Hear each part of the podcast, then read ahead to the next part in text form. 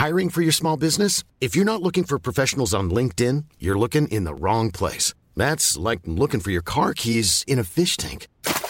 LinkedIn helps you hire professionals you can't find anywhere else, even those who aren't actively searching for a new job but might be open to the perfect role. In a given month, over 70% of LinkedIn users don't even visit other leading job sites. So start looking in the right place. With LinkedIn, you can hire professionals like a professional. Post your free job on linkedin.com slash people today.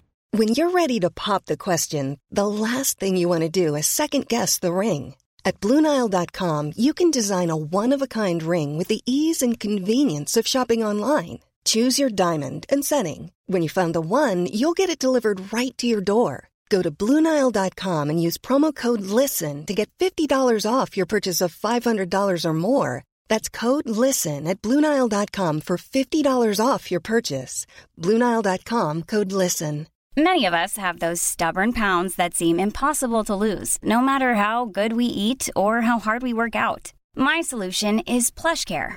PlushCare is a leading telehealth provider with doctors who are there for you day and night to partner with you in your weight loss journey. They can prescribe FDA-approved weight loss medications like Wagovi and Zepbound for those who qualify. Plus, they accept most insurance plans. To get started, visit plushcare.com slash weight loss. That's plushcare.com slash weight loss.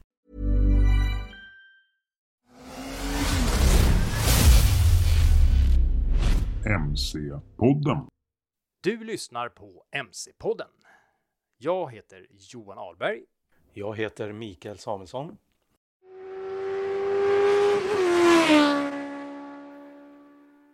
Hej och välkommen till första avsnittet av MC-podden. En podd om motorcyklar. Vilka berätta, vad, vad, vad kommer podden handla om? Lite stort.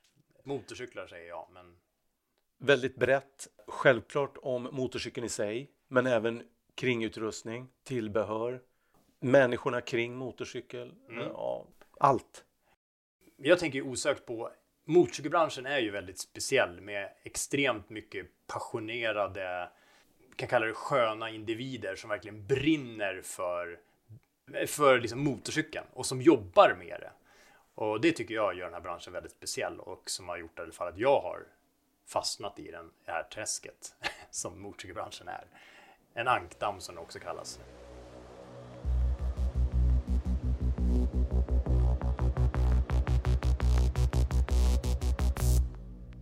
Men Micke, under årens lopp så har vi, både du och jag, träffat otaliga med härliga människor i den här branschen. Jag tänker på, då menar inte jag bara massa kända MC-profiler utan vanliga hojåkare av alla dess slag. Men vi kommer ju också just gästas av flera viktiga branschmänniskor. Inte minst i det här avsnittet så kommer vi träffa KTM Scandinavias VD Anders Sarbäcken som kommer dela med sig av eh, saker han har upplevt under sina 20 år i den här branschen. Och han är bara en av alla som jag har träffat under alla mina år i den här um, verksamheten i motorcykelvärlden som är, verkligen brinner för motorcyklar och allt som, ja, allt som har med motorcyklar att göra helt enkelt. Och det är väl lite det podden ska handla om. Ja, och man blir ju direkt intresserad av vad de här människorna har att berätta. Eh, Så att det ska bli mycket intressant att, att höra deras historier och deras känsla för motorcyklar. För jag tror att eh, det är lätt att tänka att man ser ju framför sig VD på ett stort företag tänker man ju direkt. En kostymklädd människa som kanske rent av aldrig har kört motorcykel själv. Men så är det ju inte i den här branschen utan de flesta vi har lärt känna i motorcykelbranschen är ju eh, väldigt Passionerade. Ja, de, de älskar ju verkligen att köra motorcykel. Sen kanske de inte har all tid i världen att göra det hela tiden för de har en viktig roll med massa administrativa saker. Men, men ehm, det är ändå mycket sånt som jag tänker att det här ska handla om. Och inte minst alla sköna möten vi har haft med riktigt kända människor i, inom racingen och sånt som vi, vi kanske får återkomma till eh, om lite längre fram i en annan podd. Sen är det ju eh, allas eh, personliga inställning till motorcykeln och det kommer vi ju också i det här avsnittet, eh, vi kör ju lite personlig presentation här och kanske våra egna minnen. Mm. Och det kan vi också återkomma till senare för vi har ju en del historier att berätta onekligen. Ja, och sen kommer det under resans gång så att säga, allt eftersom så kommer ju saker och ting falla sig naturligt in i podden när vi kommer vara på olika events och vara med om olika saker, provkörningar, olika tävlingar, olika mässor eller vad det nu kan tänkas vara som har med motorcykel att göra. Och det kommer vi dela med oss av här i MC-podden.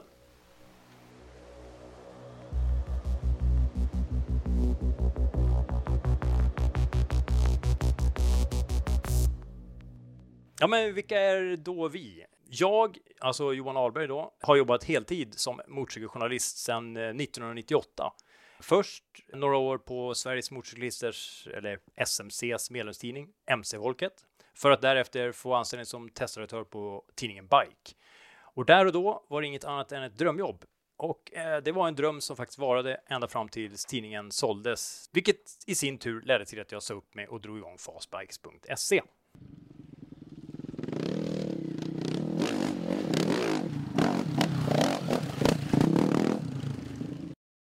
Ja, under årens lopp så har det ju onekligen blivit en salig massa roliga motorcykelminnen, provkörningar och andra galenskaper som jag har delat många gånger med just min parhäst i studion. Ja, men Micke, berätta lite om, om dig själv. Hur, hur började ditt eh, hojåkande? Ja, det börjar ju klassiskt i mopedåldern eh, och därefter blev det ju snabbt eh, lätt motorcykel vid 16 år som det var då. Och sen har det bara rullat på helt enkelt. Motorcyklarna har avlöst varandra och eh, intresset har funnits där hela tiden och det har ju aldrig avtagit. Sen har jag fått förmånen då att hjälpa dig Johan på Fastbikes, vilket har varit otroligt. Jag har fått uppleva också, som du nämnde, en massa härliga provkörningar oavsett om det har hjälpt, eh, inneburit att man har varit på däcktest eller liknande. Så att det har varit en fantastisk resa så och sen då det här privata hojåkandet vid sidan om som alltid funnits där som ett brinnande intresse.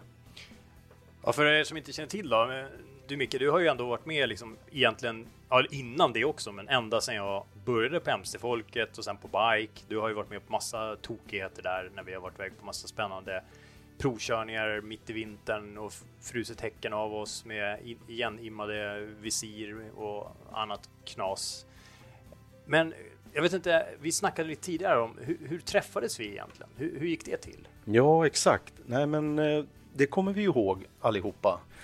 att eh, det var i, på Arlanda helt enkelt. Vi jobbade ju där tillsammans och det måste ju ha varit i början av 90-talet. Så vi pratar ju ungefär om vi har minnet med oss 1993. Vi jobbade i säkerhetskontrollen av alla ställen och där stod vi och eh, kontrollerade resenärer som skulle resa ut i vida världen. Och av någon anledning då så började vi prata om det där och upptäckte att vi hade ett delat mc-intresse. Det var väl så det hela började, om jag minns rätt. Stämmer det Johan? Ja, men det låter, det låter rimligt. Och jag vet att det var ju en hel del eh, saker som hände där under den perioden Ehm, då jag fortfarande inte ens hade bilkörkort utan det var ju, jag var ju en hängiven året runt körandes motorcyklist. Jo, men det stämmer och eh, om du minns vår kollega Hasse eh, så hade ju han en eh, en tjänst i en grind om jag inte minns helt fel. Och eh, han satt ju där och det var ju på vinterhalvåret och jag tror säkert det var, det var mitt i smällkalla vintern och på den tiden var det ju grymt med snö. Och Hasse, han, jag vet inte om han pratade med mig, men det kan ha varit så att han berättade det här för mig helt enkelt, för jag tror inte det kom från dig, utan det måste ha kommit från honom direkt till mig. Och då säger han att ja, jag satt där i grinden och det var mörkt och det snöade. Som fan. Och sen så helt plötsligt ser jag en lykta kommer åkande. Och han tänkte ju då, Hasse, att det där är en bil med ena framlyktan trasig eller någonting. Nej då, då visade det sig att det var Johan Ahlberg som är på väg till jobbet tidigt, kallt, mörkt, full snöstorm. Så att ja, du, eh, du körde nog hoj dygnet runt, eller på att säga, året om. Ja, och det, det där för mina tankar till en ganska rolig grej just om det där med att eh, hela vägen tills jag, jag måste ju ha varit 25-26 där någonstans. Eh, det var i alla fall 90, sent 90-tal då jag började på MC-folket och eh, eh, så skulle jag och en eh, tidigare kollega iväg på en eh, provkörning och jag fick i uppdrag att åka förbi några ställen och hämta lite hojar med firmabil och släp. Varpå jag då säger nej, det går inget bra. Och eh, chefen då tyckte att vadå, det, det får du väl ta och ställa upp på, ta bil och släp liksom. Det, alla hjälps åt här. Ja, men det funkar inget bra för jag har inget körkort. Och då tog ju de för givet att jag hade blivit av med körkortet, men så var inte fallet. Fallet var ju att jag hade ju inte bilkörkort. De hade tagit det för givet eftersom jag hade mc-körkort. Så då fick jag snabbt omsider under den här provanställningen just då fick jag helt enkelt ta bilkörkort för att få jobba kvar. Och det ironiska här är ju att det här är alltså på MC-folket, en motorcykeltidning, som då tvingade mig att, ja, tvingade och tvingade, men som ville att jag skulle ta bilkörkort för att få behålla jobbet helt enkelt. Mm. Det, Motvilligt mot ja. din egen ja. vilja. Så det var, så blev jag med bilkörkort, hemska tanke, men så är det.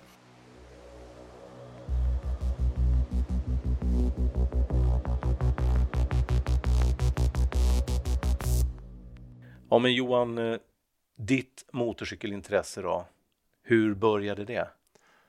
Ja, alltså faktum är att jag hade egentligen inget motorcykelintresse under min uppväxt som präglades mycket av Ja, det var mycket cykel, men utan motor. Jag hade inte ens moped, utan jag tävlingscyklade och eh, höll på med BMX. Vi byggde en BMX-bana på ängen där nu BMW-återförsäljaren Motorrad Center i Upplands Väsby huserar sedan en tid. Eh, ja, hur som helst, men det blev i alla fall en salig massa cyklande och så plötsligt en sommardag mm, så fick jag för mig att jag skulle dra upp till eh, Stockholmsvägen, gamla Stockholmsvägen i Upplands Väsby i närheten av industriområdet Infracity alldeles intill E4 för att kolla in vad som egentligen försiggick där. Jag hade hört mycket på nätterna och kvällar och sånt där jäkla massa motorbuller och gasande och så. Så jag i alla fall cyklade upp dit och mycket riktigt, väl där fick jag se det som skulle förändra mitt liv för alltid. Där så brakade en vilde, eh, han kallades för Birre, fram på bakhjulet med en G6R 1100, en Suzuki alltså, eh, i hög fart med framhjulet rakt upp i skyn och så stod han upp där på fotpinnarna och drog fram. Och där och då så blev jag liksom så där skulle jag göra. Så där vill jag också bli. Så senare samma år så skrev jag in mig på körskolan och tog körkort för lätt motorcykel och köpte min första motorcykel, en gammal RD 125. Så ja, det är väl den korta storyn eh, om hur mitt motorcykelintresse inleddes kan man ju säga. Men jag vet, Micke, jag tänker på vad var du liksom som första minne då? Eh, när, när poppade det här upp? Jag vet, du började med moppe och så blev det hoj och så, men jag tänker på första minnet från hoj sådär. Nej, men jag, jag, kommer ihåg också att eh, på den tiden när alla mc-firmor fanns i stan, då åkte man ju in dit in och så gick man ju runt och kollade på hojarna i de olika Och stan, butikerna. då snackar vi Stockholm. Vi snackar Stockholm city. Mm. Och det var väl Yamaha MC-center och var Honda MC-center. Och... Någonting som heter Autosport eller något. Ja, nej, inte Autosport va? MC-varuhuset och fanns Lelles fanns där inne då också, kommer jag ihåg. Och då gick man ju omkring där och, och glodde runt lite på hojarna och sådär. Sen kommer jag ihåg att man tog eh, ja, men, eh, broschyrer från den tiden hem och bläddrade i det där. Och då var det ju så att man drömde sig ju bort helt enkelt. Så tänkte man sån där hoj vill jag ha eller någonting. Men det, det fanns ju inte på världskartan att köpa något nytt i den prisklassen då. Men det var så liksom det, det började på något sätt. Och då var ju det här innan mopedåldern. Sen blev det ju moped vid 15 års ålder. Och min far han, han kom ju med en, en ny Syndap KS50 Supersport. En, det måste ju ha varit en 84 eller något. Flång ny. Eh, som han hade fått i ersättning. För han jobbade som säljare min pappa. Så han hade tagit det som en provision. Av något sätt. Och så kom han hem med den där på släp till mig. Jag kommer ihåg det där. Och plikttroget satt man ju där i garaget. Det fanns ju inte på världskartan att jag skulle bege mig ut eh, innan 15-årsåldern. Så jag satt i garaget, kommer jag ihåg, på den där. Helt otrimmad var den, gick eh, långsamt som bara den. Ställbart munstycke fanns det väl på den, men eh, ja, där, där och då så kände jag att tvåhjuligt är min grej. Och sen har det bara rullat på. Men jag tänker, Micke, att eh, det ska ju inte bara handla om oss det här. Så jag tänker, vi, vi, jag träffade Anders Sarbäcken, eh, vdn på KTM Scandinavia här. Ja, just det. Så, han har jag träffat också. Ja, så jag tänker, vi, vi släpper in honom här så får vi höra vad han har att säga.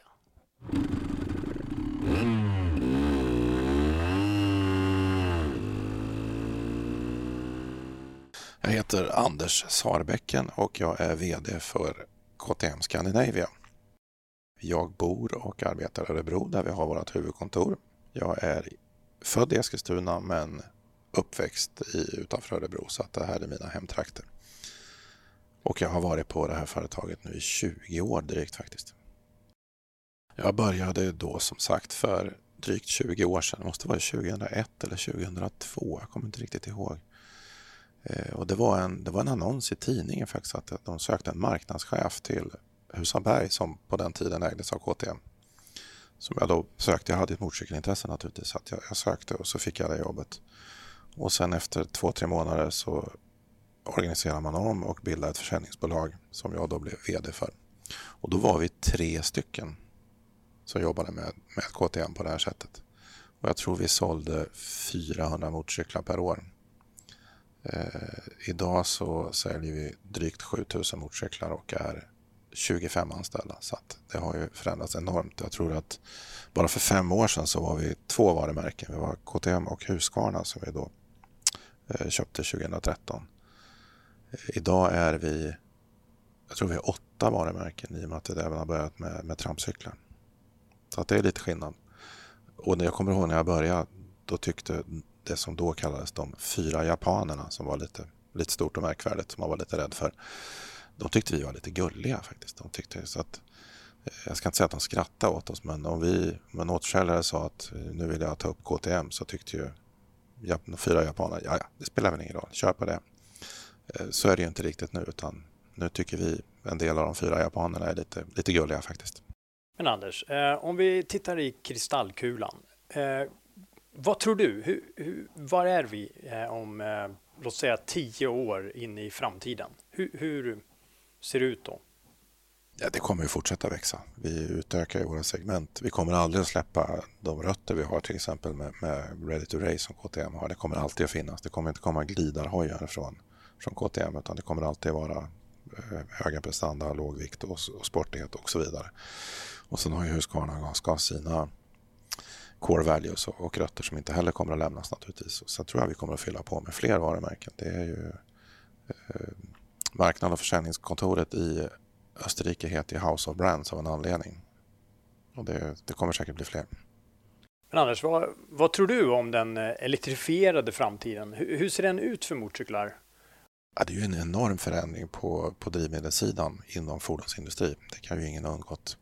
Eh, sen är det ju det är lite annorlunda på motorcykel. Det, det kommer, vi var ju en av de första som hade en el, eldriven motorcykel med Freeride E och den eh, kommer naturligtvis att vidareutvecklas. Och nu har vi de sista åren lanserat eh, flera modeller när det gäller minicyklar för, för barn där elmotorn är helt perfekt faktiskt. Av massor med anledningar. Ingen service, det låter inte och ja, det är toppen. Det kommer få mycket nya motorcyklister in i branschen tack vare det. Sen på, på stora motorcyklar så är det ju också absolut så att vi utvecklar vidare med, med el. Men så tror vi jättemycket på e-bränsle, att vi kommer fortsätta med förbränningsmotorer och köra på någon form av koldioxidneutralt tillverkat bränsle. Jag tror att prestandafordon, både motorcyklar och, och sportbilar kommer att finnas kvar med förbränningsmotorer med eh, neutralt bränsle. Men eh, oavsett eh, teknik, eh, förbränningsmotorer eller eldrivet och så. Eh, vad, vad skulle du säga? Vad är det absolut bästa med just motorcyklar? Det är att det är roligt att köra. Det är ju liksom inget... Eh, Visst kan man ha det som pendlarfordon och det kommer att komma mer och mer i och med att det är som det är med stadstrafiken. Men det är roligt att köra motorcykel, det är grejen. Det får man aldrig glömma bort. Och där, även där har vi en, en, en, inte en utmaning utan en möjlighet tror jag inom motorcykelbranschen att eh, bilar blir ju bara mer och mer ett transportmedel. De är självkörande. Jag menar min Audi den, det, det, den är ju på gränsen till tråkig att köra. Det händer ju ingenting. Den är ju nästan självkörande. Självkörande motorcyklar kommer väl i princip aldrig att komma. Så jag tror att ju mer bilen blir ett transportmedel som bara tar det till och från A och B så kommer intresset för motorcyklism att öka. Och även den fåfänga som idag finns eh, för motorfordonen kommer också öka. Man kommer att vilja ha coola motorcyklar som ser lite balla ut. Ja men Anders, eh, då kontrar jag ju direkt med såklart. Eh, Eh, vilken är din drömhoj? Vad, vad kör du helst omkring med? Drömhojen är ju, det finns ju många drömhojar. Superduken är ju naturligtvis fantastisk. Sen är ju jag, jag gillar ju enduro. Så att en riktigt fet enduro 450 EXE, det är fränt också. Ja, men då, då undrar jag ju, hur ser en riktigt bra motorcykeldag ut? Hur ser den bästa motorcykeldagen ut och eh, vilken hoj kör du? Ja, som jag sa, Superduken är ju fantastisk. Den, att, att åka motorcykel är ju inte alltid att visa vem man är utan det kan vara att visa vem man vill vara och eh, jag kanske inte egentligen är den som ska åka Superduke men jag ser ju ball ut på den. Alltså. Så att, sen som jag sa, eh, vi kom ju precis tillbaka från Gotland Grand National som jag har kört rätt många gånger faktiskt. Det var det några år sedan, men det skulle vara en perfekt MC-dag att göra det en gång till faktiskt för att eh, det är sjukt roligt. Ja, det låter ju fantastiskt. Eh, vi ser alla fram emot att se dig på GGN igen i spåret då.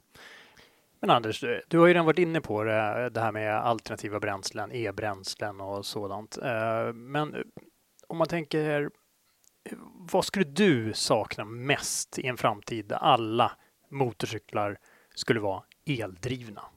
Eh, ja, förmodligen ljudet om man säger så och, och även någon slags känsla. Faktiskt. Sen är ju elmotorn är ju väldigt lämplig som motorcykelmotor i och med att den har bra tork från låga varv och så vidare. Så att eh, alla som testar till exempel Friare tycker att den är väldigt, väldigt rolig att köra. Så att jag tror nog att det är mer känslan, uppenbarelsen och ljudet man skulle sakna mer än körbarheten. Jag tänkte vi backar ett antal år antagligen. Ehm, jag tänker, hur ser ditt första motorcykelminne ut? Eh, mitt första motorcykelminne är från Östersund faktiskt. Jag eh, eh åkte ju naturligtvis moped när jag var 15 och så vidare. Det gjorde alla på den tiden. Det var liksom 100 procent. Och tyckte det var lite roligt. Men jag var egentligen väldigt bilintresserad. Både vanliga bilar och motorsport. Jag skulle väl egentligen bli både rally och Formel 1-stjärna var tanken. Men sen var jag eh, åkte husvagn med mina föräldrar väldigt mycket. Och då var vi i Östersund på campingen. Och då minns jag att jag limmade över till OK i Östersund och ska köpa en, en biltidning tänkte jag ligga och läsa husvagnen där. Kan ha varit 16, 17 kanske. Och där i tidningsstället så står tidningen Bikes första nummer. Med, ni, ni kanske kommer ihåg hur den såg ut, men det var lite någon blå motorcykel på. Kan det vara en gammal Norton de hade byggt den? Och jag bara tänkte, jäklar, det här ser bra ut. Vad är det där för tidning? Och så köpte jag den. Och så bläddrade jag tusen gånger i den. Och efter det så har jag sålt på motorcyklar lika mycket som bilar. Det var mitt första mc-minne. Ja, härligt. Och eh, då över till, vilket är ditt bästa motorcykelminne? Någonting som du kanske vill återuppleva igen? Om du fick och hade möjlighet? Eh, det finns ju massor naturligtvis. Det är ju nästan i princip varje gång man åker motorcykel så är det ju bästa minnet. Men eh, om jag är tvungen att välja ett så är det när jag körde GGN näst sista gången Gotland National och eh, kom ut på femte varvet. Inser att jag kommer att köra fem varv. Och det fanns faktiskt lite marginaler. Så att, eh, det, det var en skön känsla. Mm. Och den är lite rolig när folk bara undrar, har du kört GGN någon gång? Ja, sju, åtta gånger kanske. Fem varv som bäst. Det brukar vara lite sådär och käften-grej faktiskt.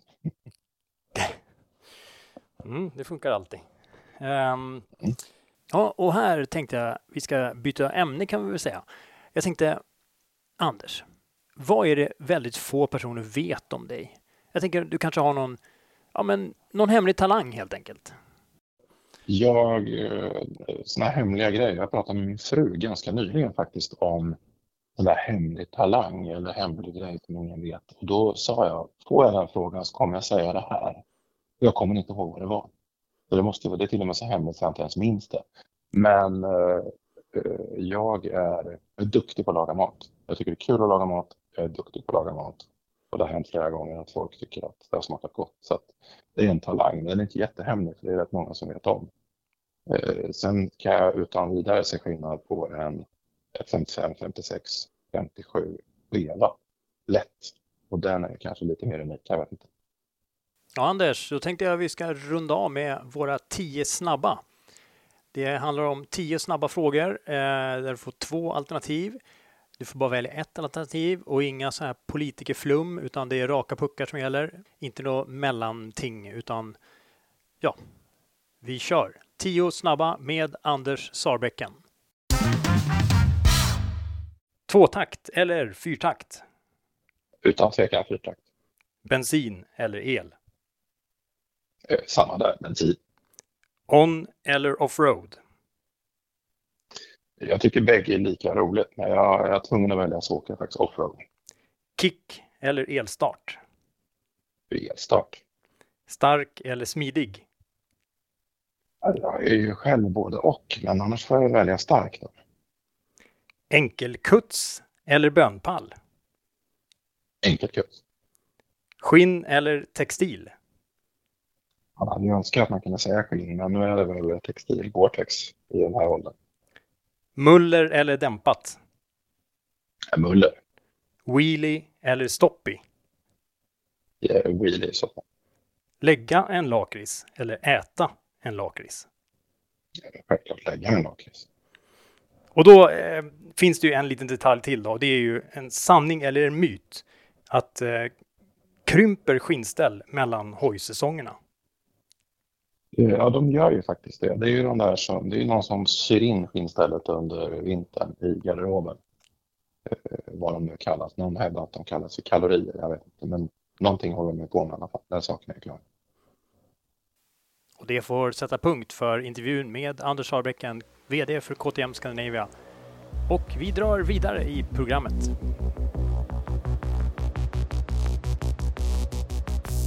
En annan sak, Johan, som jag minns från början av 90-talet och då 1994, det var ju när Sverige tog VM-brons i fotboll. USA spelades ju det världsmästerskapet. Då var det som så att då skulle landslaget välkomnas hem då till Sverige och eh, vi hade ju den tiden, alla visste när de skulle komma, när de skulle landa. Det eskorte, stridsflygplan eh, eskorterade flygplanet och när de landade och åkte sen på taxibanan så väntade ju Arlandas räddningstjänst där och sprutade vatten som de brukar över planet. Då åkte jag dit på min eh, Suzuki eh, DR750 eh, enstånkan offroaden där eh, till den grinden där jag misstänkte att de skulle släppa ut bussen. För de eskorterades ut med buss direkt ut bara. Och mycket riktigt så kom ju bussen där och eh, då hakade jag på med min motorcykel. Jag tänkte det var ju ett smidigt transportmedel för att kunna se det mesta. För man visst, jag visste ju inte vad som skulle komma då. Eh, det mottagandet som skulle vara. Men när jag åker där på E4 mot Stockholm så, så inser man ju det. E4 är ju kantad av fans och folk har ju stannat sina bilar och sådär. Och då när vi kommer till Upplands Väsby så på påfarten till motorvägen där uppe så ser jag, jag vet inte, jag kommer inte ihåg exakt, men 10-15 mc-bud. Som när bussen åker där för de är eskorterade av polis och allting så det syns ju tydligt när de kommer. Då åker de ner på påfarten på bakhjulet och då tänkte jag vad är det här? Så på packboxarna hade de ju satt då svenska flaggor och det stod vägarbetare och viftade med flaggor och alltihopa. Sen var det in till stallmästargården där de omlastade från bussen till eh, nerkabbade bilar. Det var gamla bilar, det var ja, nyare bilar. De cabbar som fanns var säkert frivilliga som ställde upp, vad vet jag. Sen satte de sig där då. Så jag åkte bakom Dalin, Brolin och Andersson. Deras cabbade bil, den åkte jag bakom med min DR750. Och de kastade ut såna här uh, idolkort. Som jag, jag lyckades fånga några och liksom stoppa ner mellan benen, mellan tanken och mig då. då. Uh, och så åkte jag med dem och jag kunde komma förbi överallt. Så jag åkte med, och jag kommer ihåg att jag fastnade på några lokalnyheter med min hoj. Och då kom jag, ah, där är jag tänkte jag. Så att, uh, det var en händelse. Och sen så kom man ju då till, eh, vad heter det Johan, där de var hundratusen hade ju samlats. Rålambshovsparken. Där var det drag kan jag säga. Sen var det ju då scenen och alltihopa. Det var sjuk häftig upplevelse. Jag ställde min hoj en bit bort där så gick jag och kollade lite. Sen tog jag hojen och så åkte jag hem.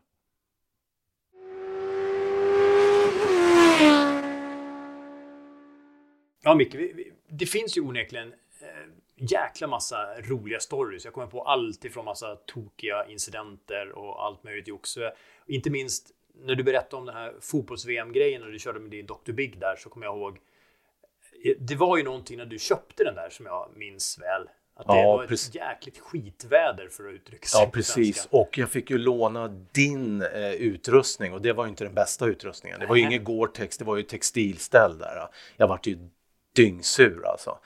Eh, vi kanske kan återkomma till det ämnet för det var ju en, en resa utan dess like. Den avslutades ju lite eh, märkligt. Men sen... Eh, I ett badkar? Ja, i ett badkar. Jag var ju stelfrusen så jag fick ju tina upp där i badkaret. Men eh, du själv Johan, jag menar jag, jag har sett dig bränna runt på, i, i, i snön med dubbdäck och skidor till någon gammal Suzuki DR 650 eller vad var det? Ja. Och den var ju så 90-talsful med med färg. Eh, Apelsingul. Ja, precis. Och det var verkligen knottrig lack på den också, så apelsinskrovlig. Med lila metallic ram och blåa skidor om inte jag minns fel. Så, så från sådana enkla historier eh, som, som berör oss, sen har vi ju riktigt eh, tunga grejer. Du har ju träffat rätt mycket kändisar Johan. Och vi kan ju nämna några, eh, Keanu Reeves, eh, Mr mm. Wick himself. Mm. En väldigt trevlig, eh, jordnära hojåkare som verkligen brinner för motorcyklar, ska jag säga. Eh, kan en annan sån, eh, Kimi Räikkönen, eh, Formel 1-stjärnan, eh, var också en sån stund, verkligen superkul intervju att få göra och få träffa honom. Eh, som också brinner för hojar, jag har ju varit med bakom ett motocross-team i VM och har ju, äger ju ett antal sådana här coola specialbyggen. Precis som eh, Keanu Reeves har gjort. Och nu har jag en Arch Eh, sitt egna märke också. Så att. Keanu Reeves är inte bara en av Hollywoods främsta skådespelare, utan även en riktigt passionerad hojåkare. Så till den milda grad att han driver ett eget motorcykelmärke, Arch Motorcycle. Och, eh, när jag träffade honom så berättade han lite mer om sitt eh, motorcykelintresse.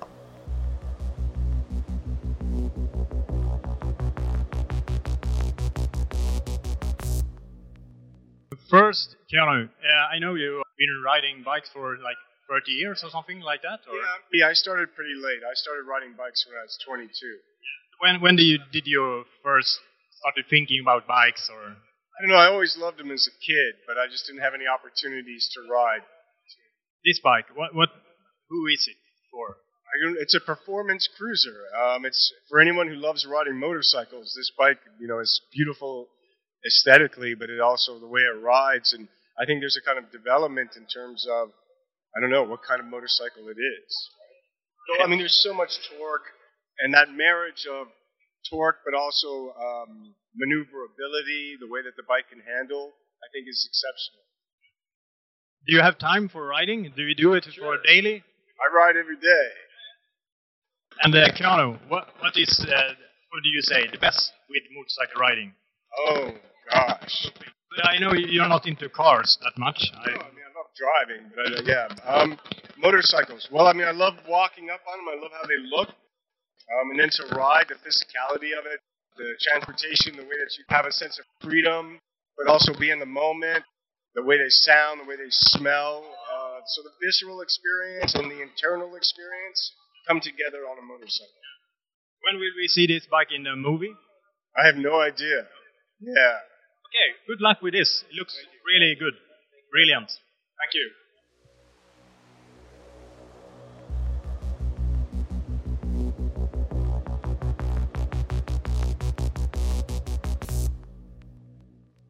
Men det finns ju andra profiler, andra som tycker om motorcyklar och har som intresse. Det är Robert Gustafsson bland annat. Mm. Ja, absolut. Och han har ju hjälpt till mycket faktiskt i, i de här sammanhangen. Han har ju bland annat eh, varit någon slags stand-in eh, testförare, provis-nisse på MC-folket eh, och sådär. Så det finns många sådana mm, härliga människor som vi, vi kan, och, lite och roliga stories som vi absolut kan återkomma till. Allt ifrån knasiga motorcykelresor upp på aktiva vulkaner på Island till mm, galna resor i Saharaöknen till ja. Ja men enkla provkörningar ja. också. Tidigare provkörningar vi har haft. Mm. finns ju mycket att eh, grotta in sig i. Ja, absolut. Ja, Johan, eh, den här podden då, den ska ju bevisligen handla om motorcyklar eh, i stort och smått. Vad ser du framför dig i, i podden här framöver? Ja, alltså självklart kommer det bli massa sådana här anekdoter och minnen och sånt, för det är ju det man har otaliga mängder av och så. Men vi kommer ju också, som jag sa, träffa intressanta människor och dela med oss av eh, olika kunskaper och erfarenheter som vi har dragit under alla år. Men eh, framförallt så är det så att nu här näst så eh, kommer vi, jag kommer dra till Novemberkåsan eh, som körs nästa helg, den 19-20 november eh, i skogarna i Bollnästrakten. Eh, och den här endurotävlingen, det är ju liksom endurotävlingen. Det är den som gäller. Det är om man har någon tävling på sin bucket list som man måste uppleva innan man dör så är det Novemberkåsan. För det är inte bara en tävling, eh, en motorcykeltävling, utan det är en upplevelse för alla inblandade, eh, såväl publik som den som kör eller som är med i ett eh, team runt en förare. Ja, en fråga då Johan från mig är, ja. har du eh, bockat av den här på din bucket list? Eh, ja, jag har ju kört den här själv några gånger. Eh, jag har kört den tre gånger om jag inte minns fel. Det kan vara fyra. Ehm, jag har kommit i mål en gång eh, och eh, det var ju självklart en eh, skön känsla att komma i mål. Men Eh, några av de gångerna har ju varit mer minnesvärda, eller man ska kalla det, än den gången då jag kom i mål. Eh, men för det är ju så att tävlingen körs på olika platser runt om i Sverige år efter år. Eh, och beroende på väder och sånt och vart det är så är ju förhållandena helt olika. Ibland är de ju förjäkliga och ibland är de lite lättare kan vi kalla det. Eh, I år i Bollnäs har de ju lovat riktigt skitrace, alltså helt enkelt ett bra race, alltså mycket lera, vatten, dynga. Och det som brukar bli kul i det här är att det finns ju folk där ute eh, som inte bara dricker sportdryck som hjälper till eh, i de här dynghålen där många förare kanske kör fast så till den milda grad att man måste vara flera människor som drar loss hojarna. Och det där brukar bli riktigt roliga spektakel och eh, jag kommer vara på plats i alla fall och eh, träffa lite sköna människor där.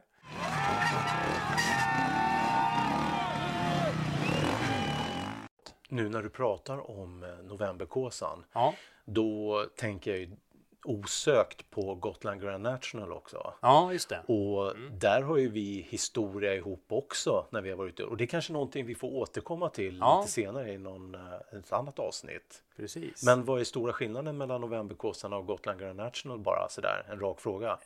Alltså, jag skulle säga att medans Gotland Grand National är mer Vasaloppet på skidor, eh, någonting som i stort sett, jag ska inte säga alla, men i stort sett alla som kan hantera en motorcykel kan köra Gotland Grand National. Man, I och med att det är ett varvrace så kan man ju köra ett varv eller man kan köra sex eller sju varv. Eh, Medan Novemberkåsan, den, den tar man sig inte i mål i om man inte gör eh, många rätt i boken så att säga. Det, det, man, man, kan inte bara ta sig runt där, man, man kvalar in för att man måste vara tillräckligt snabb på dagen eh, för att få kvala in för att få köra natten eh, och sådär. Och eh, det det är en helt annan grej. Eh, det är ett extremt tufft race eh, där allt måste klaffa liksom.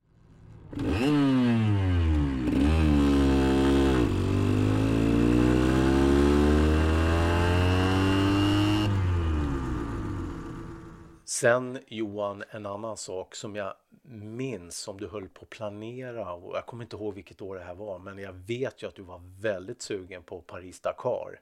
Du gick ju så långt, till och med om jag minns rätt, du får rätta mig om jag har fel, men jag vet att du fick en sponsor i Lufthansa i alla fall som skulle ta dig dit. Stämmer inte det? Du var lite sugen på Paris-Dakar. Det är någonting också vi kan återkomma till, men eh, Stämmer det? Eh, jo, men det, det stämmer ju absolut. Men tyvärr så bar, eh, ja, det gick inte hela vägen så att säga. Efter eh, novemberkåsan där också så, eh, jag kommer även träffa Niklas Lindell som är VD för KIK Motor och som eh, har ett långt och gediget motorcykelintresse som också har kört otaliga Gotland Grand National och andra tävlingar. Och trots sin position på vd-stolen så är han en människa som fortfarande brinner för att köra motorcykel och det tycker jag är väldigt roligt.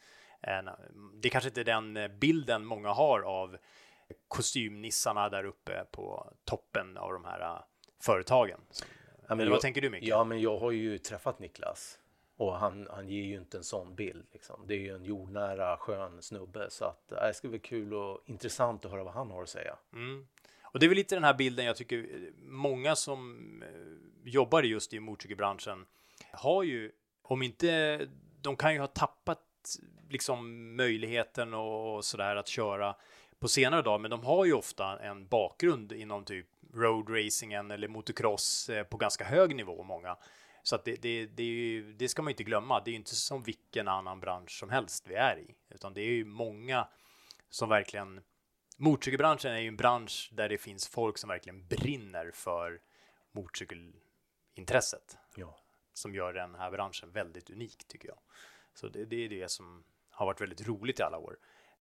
Och som sagt, så, så Niklas kommer det bli, det kommer bli novemberkåsan och sen då, eh, det kanske vi inte ska prata så mycket om här, men vi kommer ju självklart dela med oss av eh, saker som vi kommer uppleva under resans gång så att säga, när vi gör de här poddarna. Och bland annat så är det ju lite provkörningar som hägrar här ganska snart. Exakt. Du ska ju iväg snart bland annat. Ja, precis. Eh, det är i slutet av november. Då åker jag med BMW till Spanien, till Almeria. Ska provköra två modeller.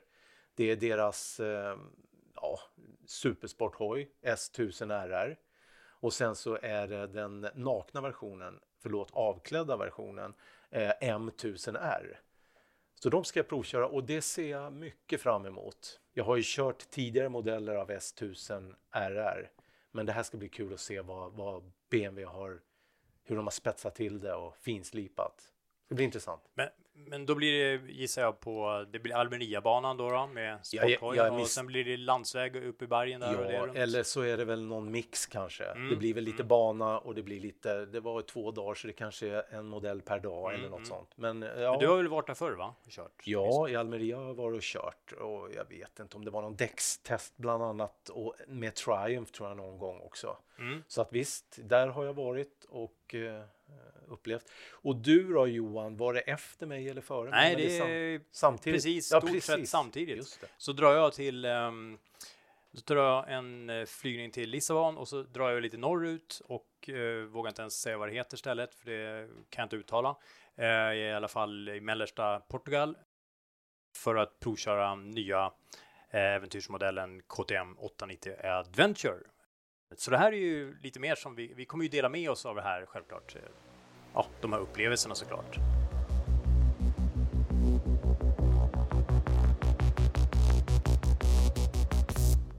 Och här har vi kommit till slutet på första avsnittet av MC-podden.